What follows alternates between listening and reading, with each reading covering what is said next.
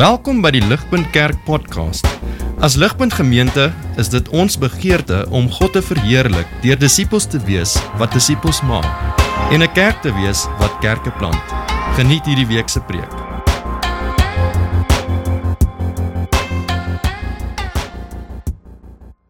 Ek lees vir ons uit Jesaja 6 vers 1 tot 8 uit die Afrikaans 2020 vertaling. Kom ek lees vir ons. In die sterfjaar van koning Isia het ek my Heer gesien sit op 'n hoë en verhewe troon. Die some van sy kleed het die tempel gevul. Serafs het bo hom uitgereed gestaan. Elkeen het ses vlerke gehad. Met twee vlerke het elkeen sy gesig bedek. Met twee het hy sy voete bedek en met twee kon hy vlieg. Hulle het na mekaar geroep en gesê: Heilig, heilig, heilig is die Here, heerser oor alle magte. Die hele aarde is vol van sy heerlikheid. Die deurpenne in die drempel het gebewe van die geluid van die een wat roep. Die tempel het vol rook geword.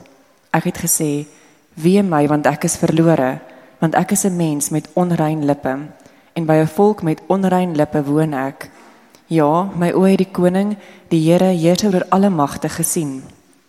Een van die serafs het aan my toe gevlieg met 'n gloeiende kool by hom wat hy met 'n tang van die altaar afgeneem het. Hy het my mond aangeraak en gesê: "Kyk, dit het jou lippe aangeraak. Jou sonde skuld het gewyk. Daar is vir jou sonde verzoening gedoen." Toe hoor ek die stem van my Heer wat sê: "Wie sal ek stuur en wie sal vir ons gaan?" Ek sê toe: "Hier is ek, stuur my." Goeiemôre almal. Ehm um, ek wil net van elkeen van julle baie welkom sê wat hier is vanoggend by ons diens môre by Ligpunt. Ehm um, dis vir my baie groot voorreg om vir julle vanoggend God se woord te bring. Uh vriende, my naam is Johan de Tooy en ek is een van Ligpunt se personeellede en vandag gaan ons begin met 'n 2 week reeks getiteld Lesse geleer in 2023. Waar ek en Stefan vir ons almal vanuit God se woord iets spesifieks gaan oordra oor 'n les wat die Here ons persoonlik geleer het hierdie jaar. Nou daar is in 'n jaar baie dinge wat gebeur en ons ervaar verskillende gebeurtenisse in ons lewens. En daarom kan dit 'n uitdaging wees om jou vinger te sit op 'n spesifieke les en uh, ek uh, het dit self ervaar. Maar ek is dankbaar en opgewonde om te kom deel uit die hand van ons teks vanmôre Jesaja 6. Dit wat die Here my geleer het en nou nog leer. En ek glo dat hy hierdie teks ook sal gebruik om vir ons as 'n gemeente aan te raak. Eh vriende, soos baie van ons het ons in 2023 sekere voornemens gehad oor dinge wat ons wou miskien bereik en doen. Ons wou miskien meer gym toe gaan, eh vroeër in die bed kom, meer gedissiplineerd wees met ons tyd, minder tyd op ons foon wees, en net oor die algemeen 'n beter persoon wees as die een wat ons was die jaar voor dit.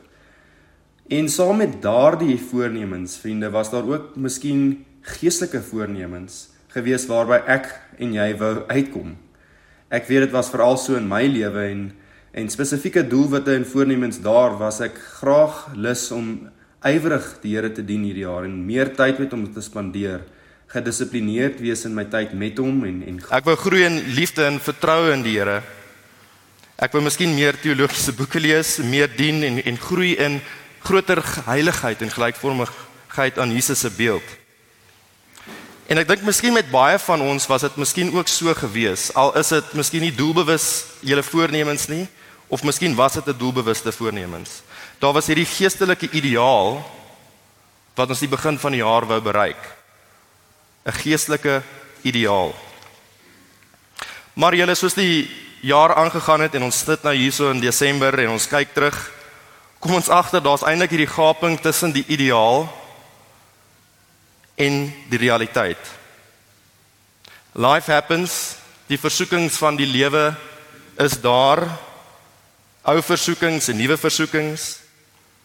Die druk van ons werk kry ons onder Uh daar's miskien familieprobleme wat nog steeds hierdie jaar nie opgelos is nie. Daar's finansiële en ekonomiese terugslag wat ons bevind uh, onsself in bevind.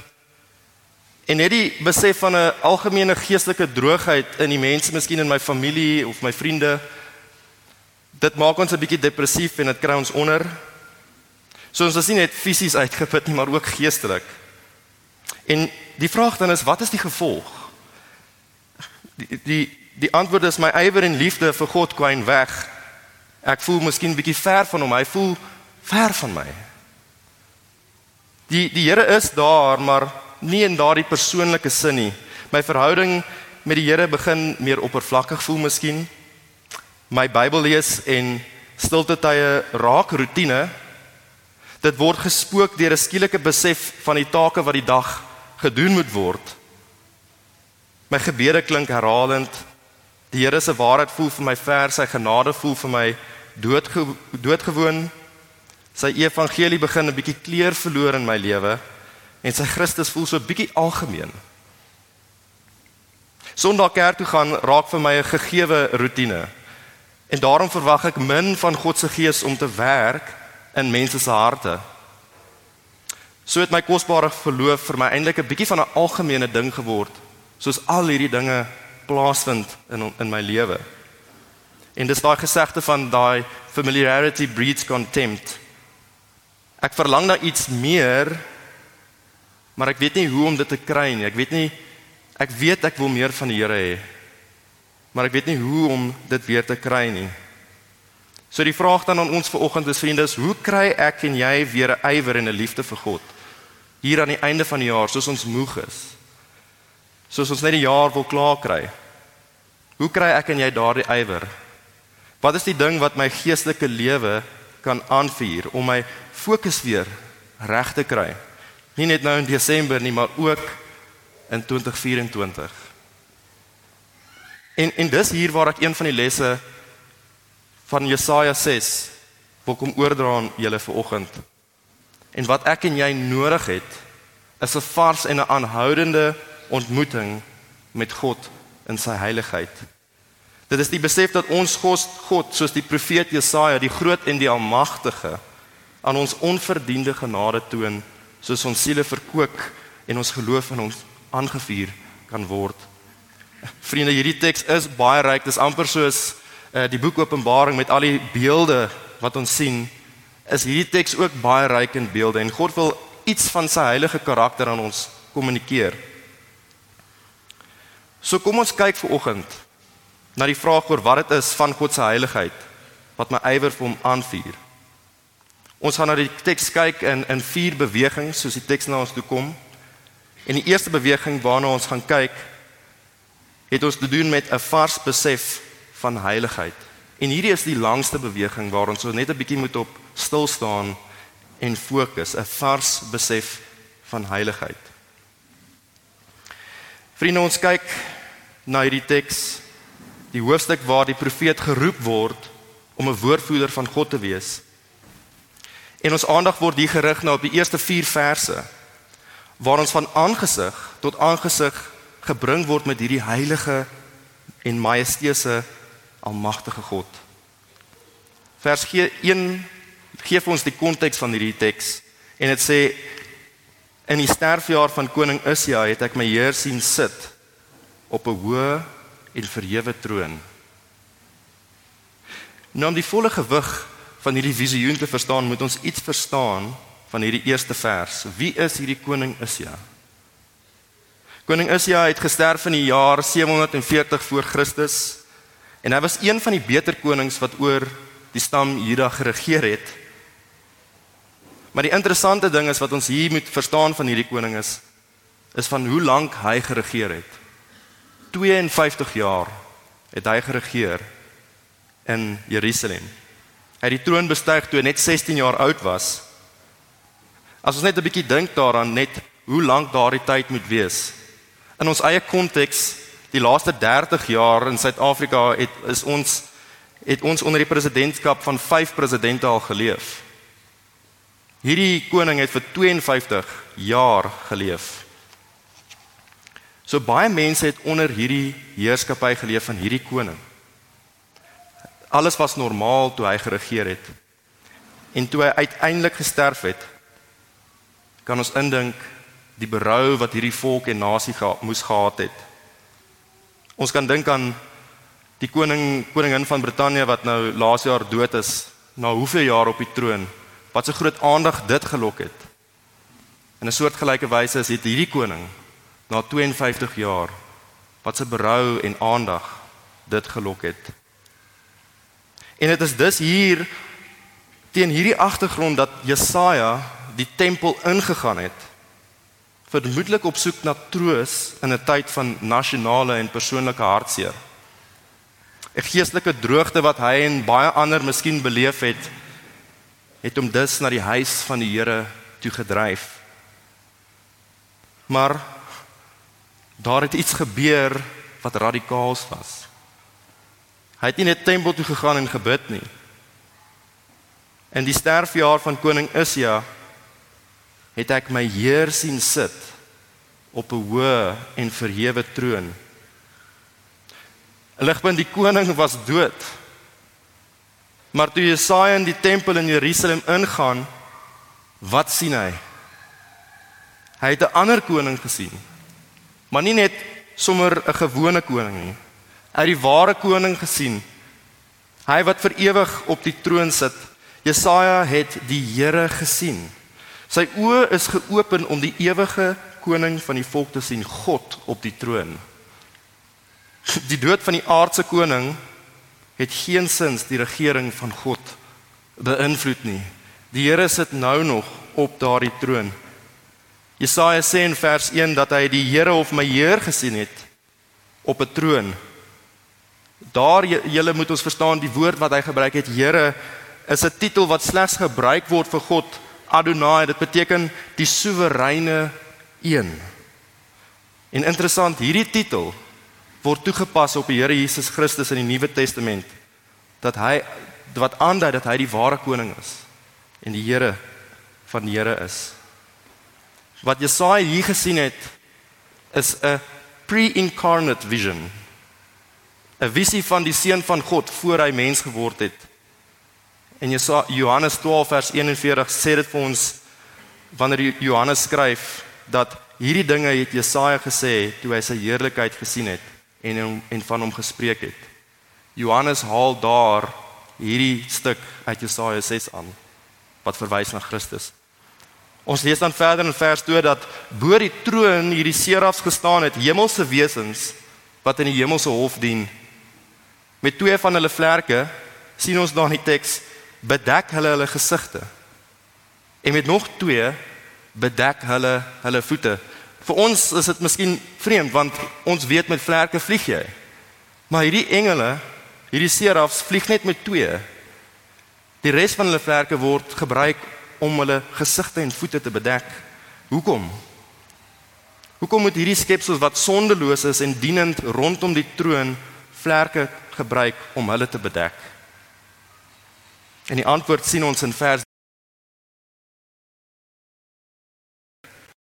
Hulle het na mekaar geroep en gesê: Heilig, heilig, heilig is die Here, heerser oor alle magte. Die hele aarde is vol van sy heerlikheid. Die deurpenne in die drempel het gebewe van die geluid van die een wat roep. Die tempel het vol rook geword. Wat Jesaja het hierdie wesens se monde gehoor het is verstommend. Heilig, heilig, heilig. God se heiligheid is so groot en majesteus dat selfs die hemelse wesens hulle gesigte moes bedek van sulke majesteit. Ligpunt herinner dit nie ook ons aan die tyd van die Exodus nie. Daar waar Moses en die Israeliete in die woestyn was en in die episode van Exodus 33 lees ons die volgende. Moses wou God se glorie sien. Hy sê vir God daar in die woestyn en Moses said, "Please show me your glory." En wat was God se antwoord? Then he said, I will make all my goodness pass before you, and I will proclaim the name of the Lord before you. I will be gracious to whom I will be gracious, and I will have compassion on whom I will have compassion. My worry, but he said, You cannot see my face. For no man shall see me and live. Dit is die God met wie ons te doen het, vriende. Hy is heilig. En ons hoort nie hierdie herhaling mis te kyk van hierdie heilige God nie. Julle as ons in vandag se lewe iets wil beklemtoon. Onderstreep ons miskien 'n woord of ons highlight dit of ons sit dit in bold. Nou die Israeliete van oud as hulle iets wou beklemtoon, het hulle ook dieselfde iets soortgelyk gedoen, maar hulle het herhaling gebruik. Hulle het herhaling gebruik. En hoor hoor hoe stel R.C. Sproul God se heiligheid in hierdie terme. Hy sê only once in sacred scripture is an attribute of God elevated to the third degree. Only once is a characteristic of God mentioned 3 times in succession. The Bible says that God is holy, holy, holy. Not that he is merely holy or even holy, holy. He is holy, holy, holy. The Bible never says that God is love, love, love, or mercy, mercy, mercy, or wrath, wrath, wrath, or justice, justice, justice. It does say that He is holy, holy, holy, that the whole earth is full of His glory. God se heiligheid vriende is daardie eienskap van die Here wat sy volkomme separateness, sy afsonderlikheid van skepsels en sonde kommunikeer. Hy's in 'n ander klas as ons. Dit dui ook aan sy morele reinheid en skoonheid en volmaaktheid van sy wese.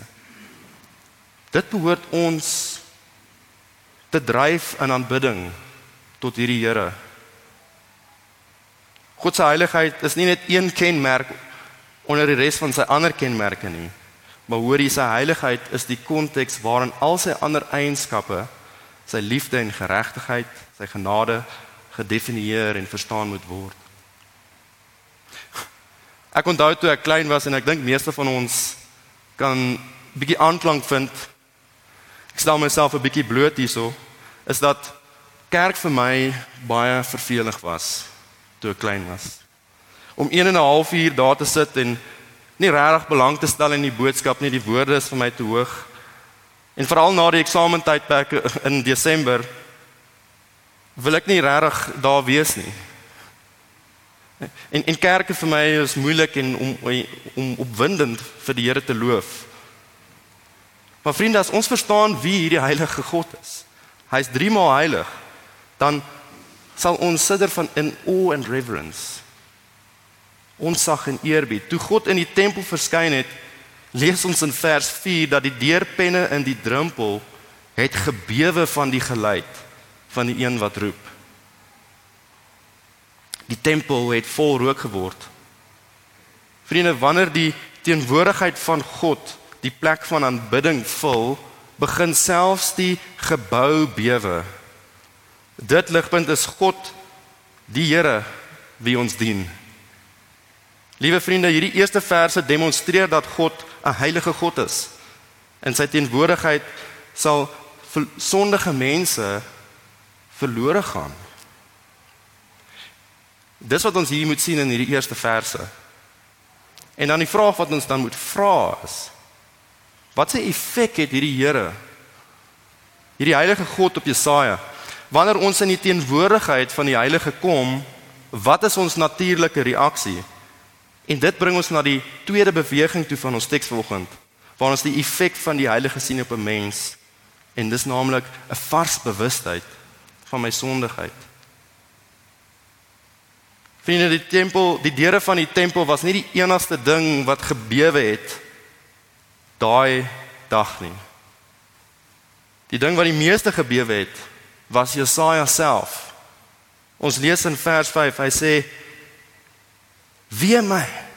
Ek is verlore. Want ek is 'n mens met onrein lippe en by 'n volk met onrein lippe woon ek. Ja, my oë die koning, die heerser oor alle magte gesien.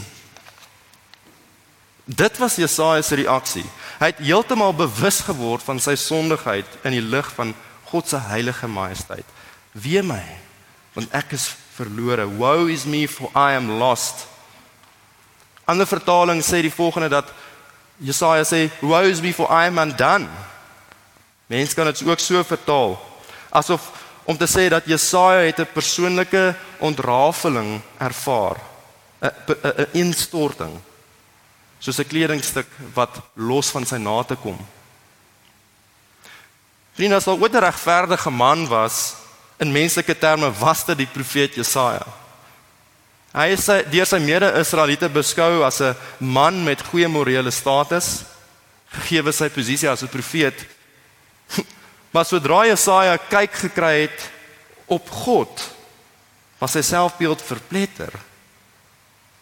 Sproul sê die volgende, lees dit asseblief saam met my. Hy, som dit baie goed op. Hy sê in a brief second Isaiah was exposed, made naked beneath the gaze of the absolute standard of holiness.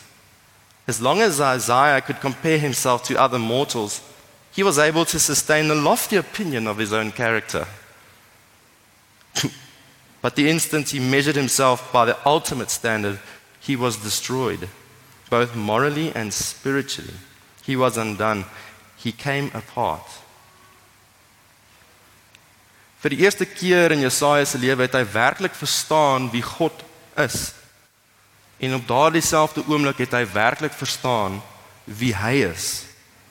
Terwyl die lig van God se heiligheid op hom geskyn het, is hy uit 'n geestelike complacency wakker gemaak. En hy's bewus gemaak van sy geestelike bankrotskap. En so weer in vers 5, want ek is 'n mens van onrein lippe. En by 'n volk met onrein lippe woon ek. Jesaja het 'n nuwe en radikale begrip van sonde gekry. Hy het gesien dat dit 'n werklikheid was nie net in homself nie, maar ook in die mense om hom. Vriende, rede waarom ons dalk dan koud word teenoor die Here en ons geloof so soms oppervlakkig voel en onpersoonlik is omdat ons die heilige karakter van God vergeet het. Ons raak complacent, ons raak selfvoldaan en ons raak onafhanklik in ons geloof en ons getuienis vir die Here word koud omdat ons die grootheid van God vergeet. Ons verruil die almagtige vir dit wat die alledaagse is. Ons het vergeet wie God is en ons het vergeet wie ons is. Ons kom kerk toe en ons verwag nie veel nie. Uh ja, ons is miskien moeg, dis waar. En ons siele word nie gevul met hierdie grootheid van ons driemaal heilige God nie. Jesaja toe die Here aanskou op die troon was geruk in die kern van sy wese. Hy was gevul met 'n bewustheid van sy menslikheid en sonde toe hy voor die aangesit van die koning van die heelal gekom het. Ligpunt is dit nie wat ons nodig het om ons geloof 'n stewige fondament te gee nie. Om onsself te sien nie in die lig van ander nie en ons omstandighede nie, maar om onsself te sien in die lig van die ewige God. Hierdie teks maak dit duidelik aan ons dat ons God is nie iemand aan wie ons ons vinger op wie ons ons vinger kan sit nie. Hy is nie iemand op wie ons kan gewoond raak nie. Nee, jy jy Jesaja se lot is die lot van elke mens hier vanoggend en dis myne ook. Ons God is 'n verterende vuur. Niemand in sy heilige heilige toestand is in staat om voor 'n heilige God te staan nie. En julle dis dis wat ek toe besef het, is dat die helfte van my geestelike stryd kan gewen word deur om dit te besef wie die heilige God is wat ek bely as my Here. God se genade sien ek word oppervlakkig wanneer ek myself aan ander vergelyk. En dan leef ek prakties asof my geregtigheid, my goeie dade gemeet word aan die optrede van ander. Vriende, het ons agtergekom dat wanneer ons in die gewoonte verval om so te leef, om onsself met ander te vergelyk, Christus en sy evangelie word klein. Want ons standaard van geregtigheid is klein. Dis oppervlakkig. Maar ons teks in Jesaja roep ons vanoggend om onsself te sien wie ons werklik is in die lig van God. Mense wat tekortskiet van God se glorie. Maar nou hier's die vraag. Hoe is God se heiligheid dan vir my goeie nuus? Hoe verkoop hierdie waarheid van 'n heilige en verterende God my siel? Hier in Desember wanneer ek moeg is. Hier is ek, dis die einde van 2023 en ek besef sonder om eers ten volle na te dink oor hierdie heilige karakter van God dat my geestelike lewe het ek nou gekry die jaar. Ek kon nie eens my geestelike doel doelwitte bereik wat ek gehoop het om in die begin van die jaar te bereik nie. Johan, kan jy sê ek het nie eers aan my eie standaarde voldoen nie. Ek het verslap met Bybel lees. Ek word swaar belas deur deur skuldgevoelens. Ek het ingegee tot versoeking. Wat is die nut daarvan om dus myself in die lig van God te sien anders as om meer geestelike gewig op my skouers te laai? Dit voel asof my geestelike lewe agteruit gegaan het. Hoe kan God se heiligheid my dan aanspoor tot groter geloof en rus in hom? Ek voel net meer ontbloot deur sy heiligheid. Dit is 'n logiese manier om te dink. Hoe kan ek so 'n heilige God lief hê wat te rein is om na sonde te kyk? Ek weet wie ek is, ek is sondig. Hoe kan hy na my kyk en tevrede wees? Woe is me for I am lost, moet ons sê soos in die woorde van Jesaja. En julle dit sou inderdaad die geval gewees het. Dit sou waar wees as ons teks vir oggend geëindig het net by vers 5. Soos Jesaja in vers 5 sal ons ook bewe, op soek wees na 'n plek om weg te kruip. En miskien bid ons dat die rotse van die aarde op ons val en nie God se oordeel nie. Ons sal enigiets doen om onsself weg te kry van God.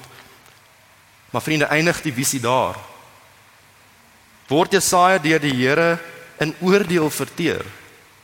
Sit die Here op sy troon en hy lag en hy vind plesier in wat Jesaja hoe Jesaja optree leeg en terneergedruk. Kry die Here lekker.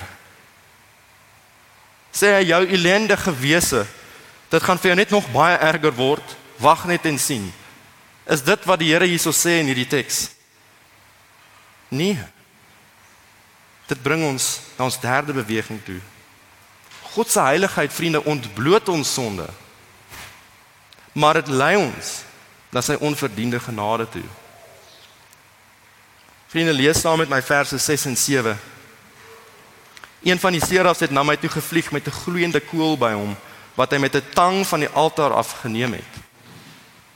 Hy het my mond aangeraak en gesê: "Kyk. Dit het jou lippe aangeraak jou sonde skuld het gewyk. Daar is vir jou sonde verzoening gedoen. God het nie vir Jesaja vernietig nie. En dit is hier waar ek en jy God moet sien. Sy hart van genade moet raak sien in die lig van sy heiligheid. En dit is vanuit hierdie perspektief wat ek die les geleer het met betrekking tot die God wat ek dien. Wat ek tans dien. Ons het gesien dat God se heiligheid Jesaja se sonde ontbloot het. Maar vriende, die God is ook 'n God van genade. Ons kan nie sy heiligheid en genade skei nie, maar ons kan sien sy genade hier.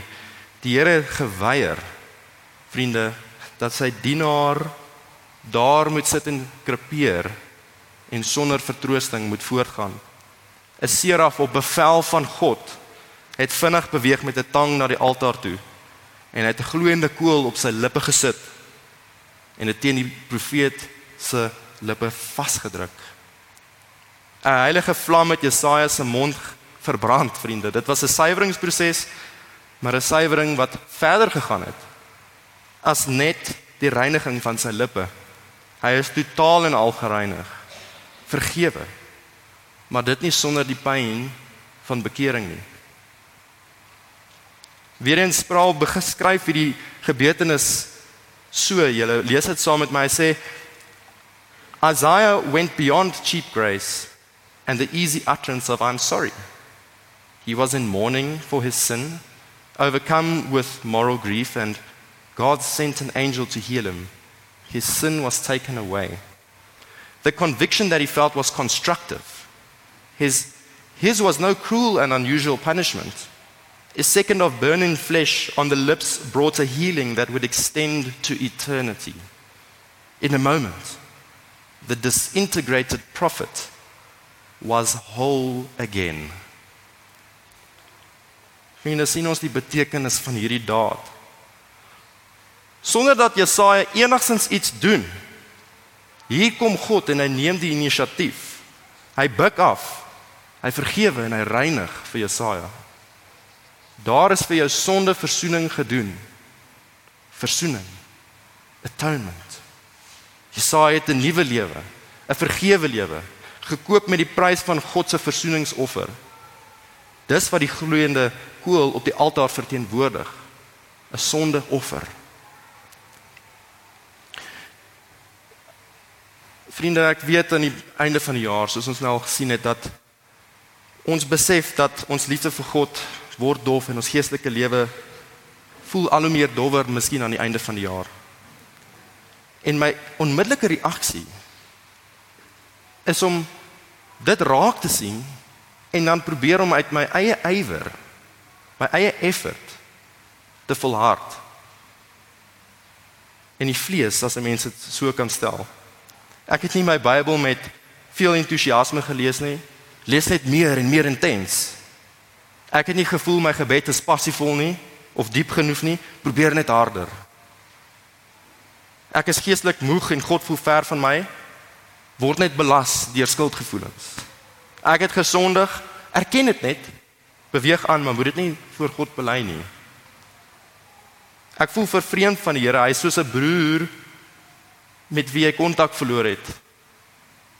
Jy weet hy's daar, maar daar's geen kommunikasie nie.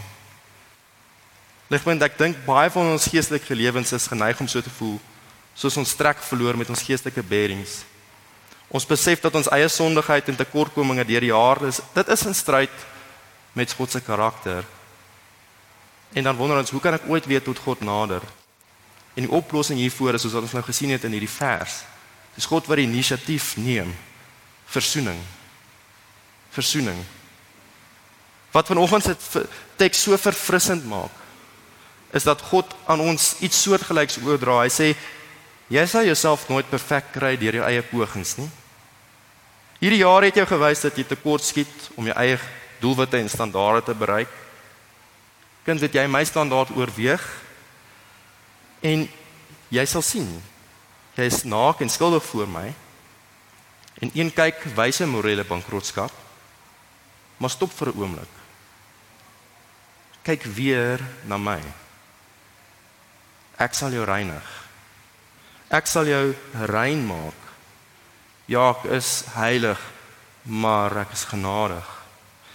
Jy word verwelkom in my teenwoordigheid op grond van verzoening.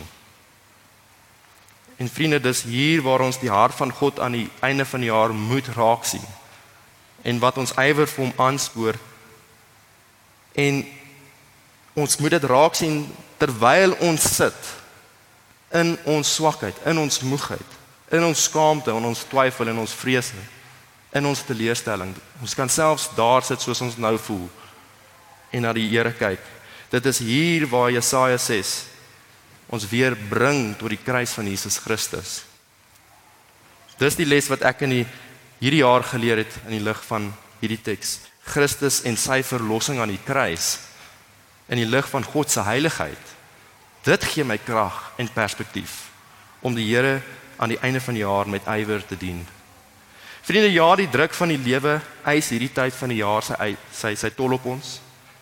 En ons ja, ons liefde vir die Here en ons ywer vir God lyk dof. En ons geneig om sulke ons is geneig om in sulke tye meer na binne te kyk. Maar weet jy wat aan die hand van hierdie teks? Is dit meer van hom wat my siel verkoop en nie meer van my eie pogings nie. Dis die Here wat gegaan het na Jesaja toe om God opnuut in sy heiligheid te sien. Ja, dit dryf my na Jesus toe as my enigste hoop en troos. Dit dryf my na die kruis, daar waar die volmaakte heiligheid en liefde en genade van God saamkom om sy genade te toon. Ons teks hierso vriende skuif ons oë weg van die self wat ons geneig is om hierdie tyd van die jaar te doen en dit skuif ons oë na God toe. Dit is waarheen Jesaja sê ons wil lei en veral daar na die Here Jesus toe. Hoe stel Paulus dit in Romeine 3 vers 23 tot 25?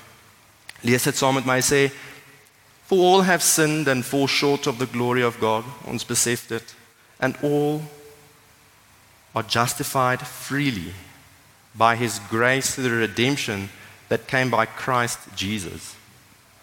God presented Christ as a sacrifice of atonement through the shedding of his blood to be received by faith.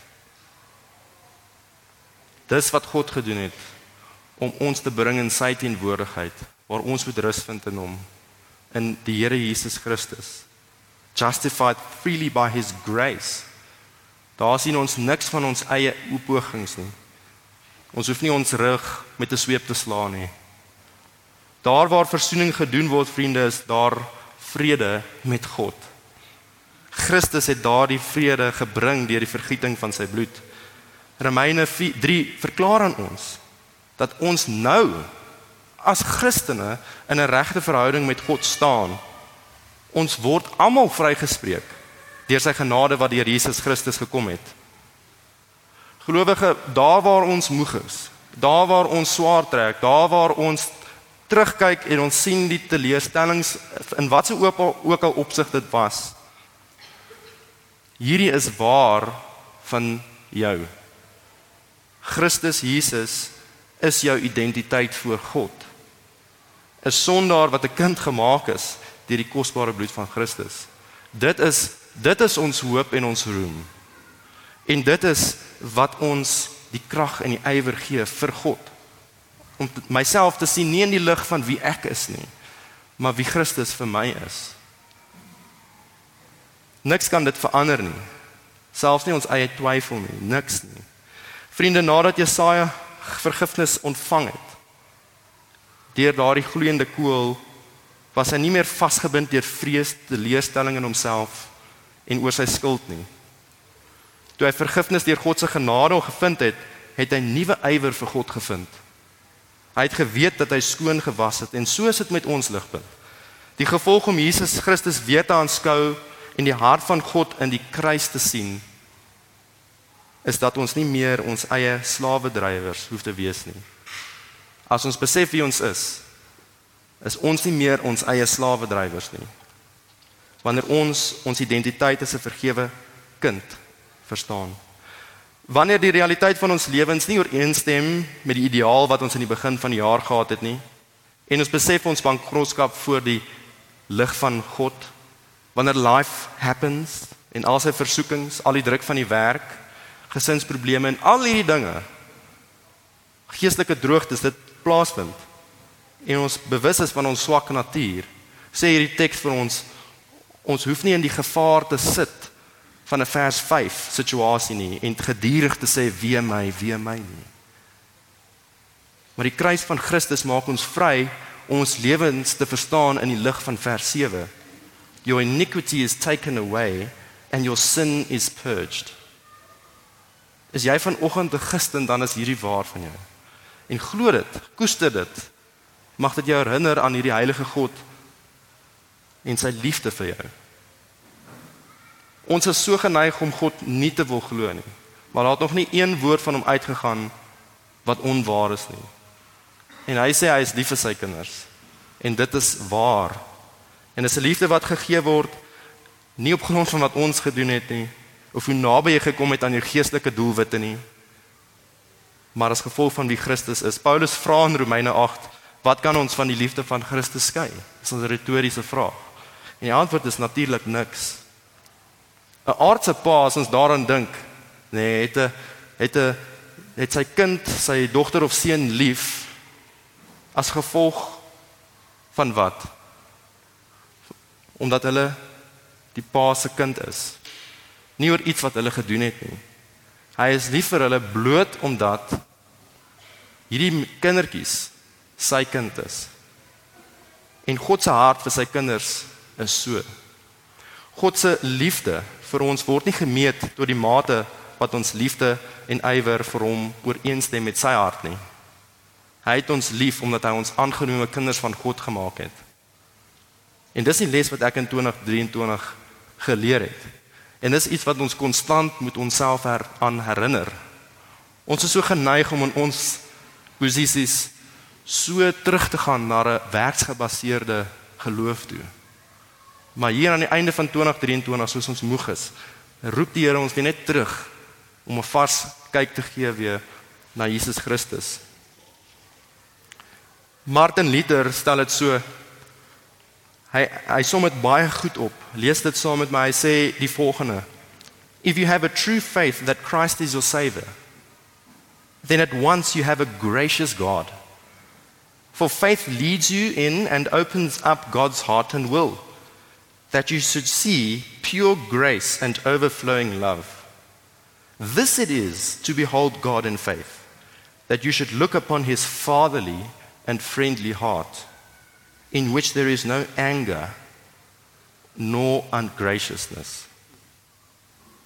Vriende, mag God se heilige karakter en die pragt van Christus genade hierdie Desember ons siele verkoop. Daar waar ons fisies en geestelik moeg is.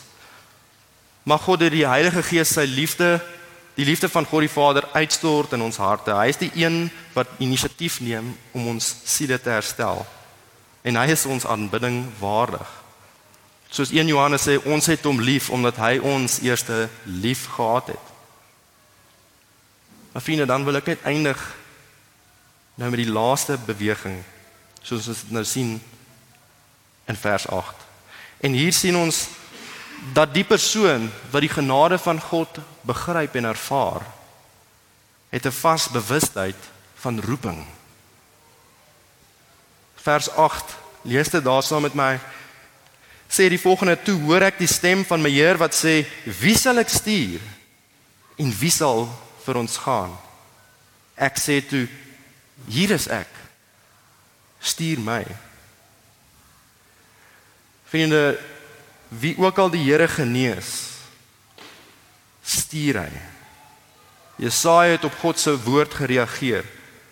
Dit is dit is net God se patroon wat oor en oor homself herhaal in die geskiedenis.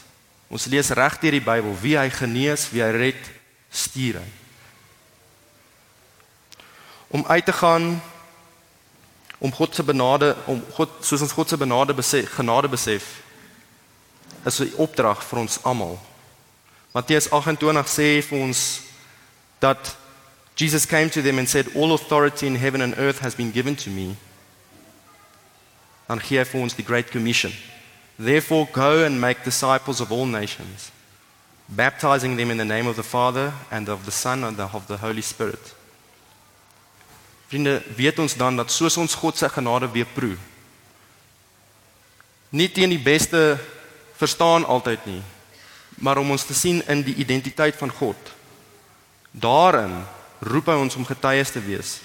Vriende, as ons gesmaak het dat God goed is en dat hy ons heiligheid ervaar het en dat ons sy genade opnuut besef, dan spoor dit ons aan om die heilige evangelie van Christus te gaan verkondig om die waarheid van God se karakter oor te dra.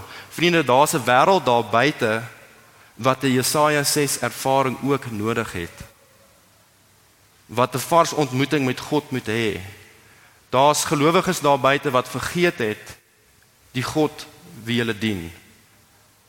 Dit is ons plig dan om uit te gaan soos ons Jesaja 6 ervaring gekry het om vir hulle te gaan vertel van hierdie almagtige God. Ons is ons hoor die sout van die aarde te wees, 'n stad op 'n heuwel.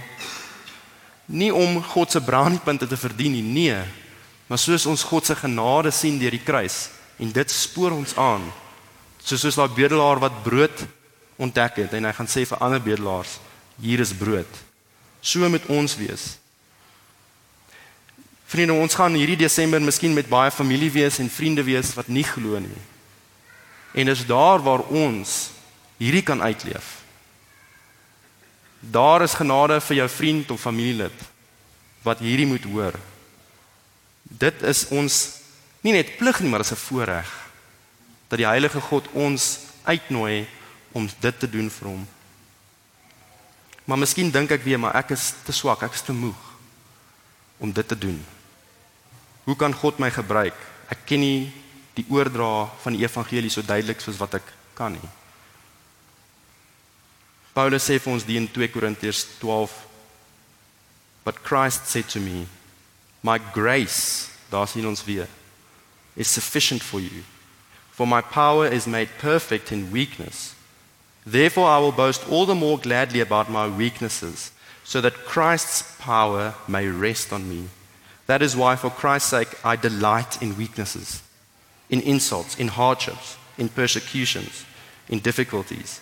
For when I'm weak, then I'm strong. Vriende, geestelike moegheid is nie iets vreemds vir die Christen nie. Inteendeel, dit is die ruimte waar Christus se genade kan werk in ons. Vriende, kan ons dan met saam met Jesaja sê as verloste kinders van God hierdie Desember, Here, hier is ek, stuur my. Kom ons vind ons rus in die Here hierdie Desember, soos ons die jaar afsluit. En mag ons weer begin met 'n vars besef van sy genade vir ons. Amen. Kom ons bid saam. Vader, ons besef ons tekortkominge soos ons nou na die teks gekyk het. Maar Here, soos ons u karakter sien en aanskou en inneem, besef ons dat ons nie na onsself moet kyk nie, maar na u. In u hart en Here, daar sien ons die kruis van Christus wat nie net daar is nie, Here, wat nie net ons kondem nie, maar Here wat vir ons vergifnis bied. Here, ons pleit vanmôre dat soos ons hierdie vakansietydperk ingaan, waar ons moeg is en waar ons perspektief baie keer so binnewaarts kyk, Here dat U ons net opnuut sal weer roep na die vars waters van lewe. Here, U is die bron van lewende water. U is die ene wat ons siele verkoop. Here mag ons weer net sien u hart. Here u is heilig ja, maar u is heilig ook in u genade en u genade is heilig. En Here daardie genade maak ons kinders van God. Here as daar iemand is ook wat miskien ver oggend hier sit en nog nie u genade geproe het nie, Here bid ons vir daardie mense.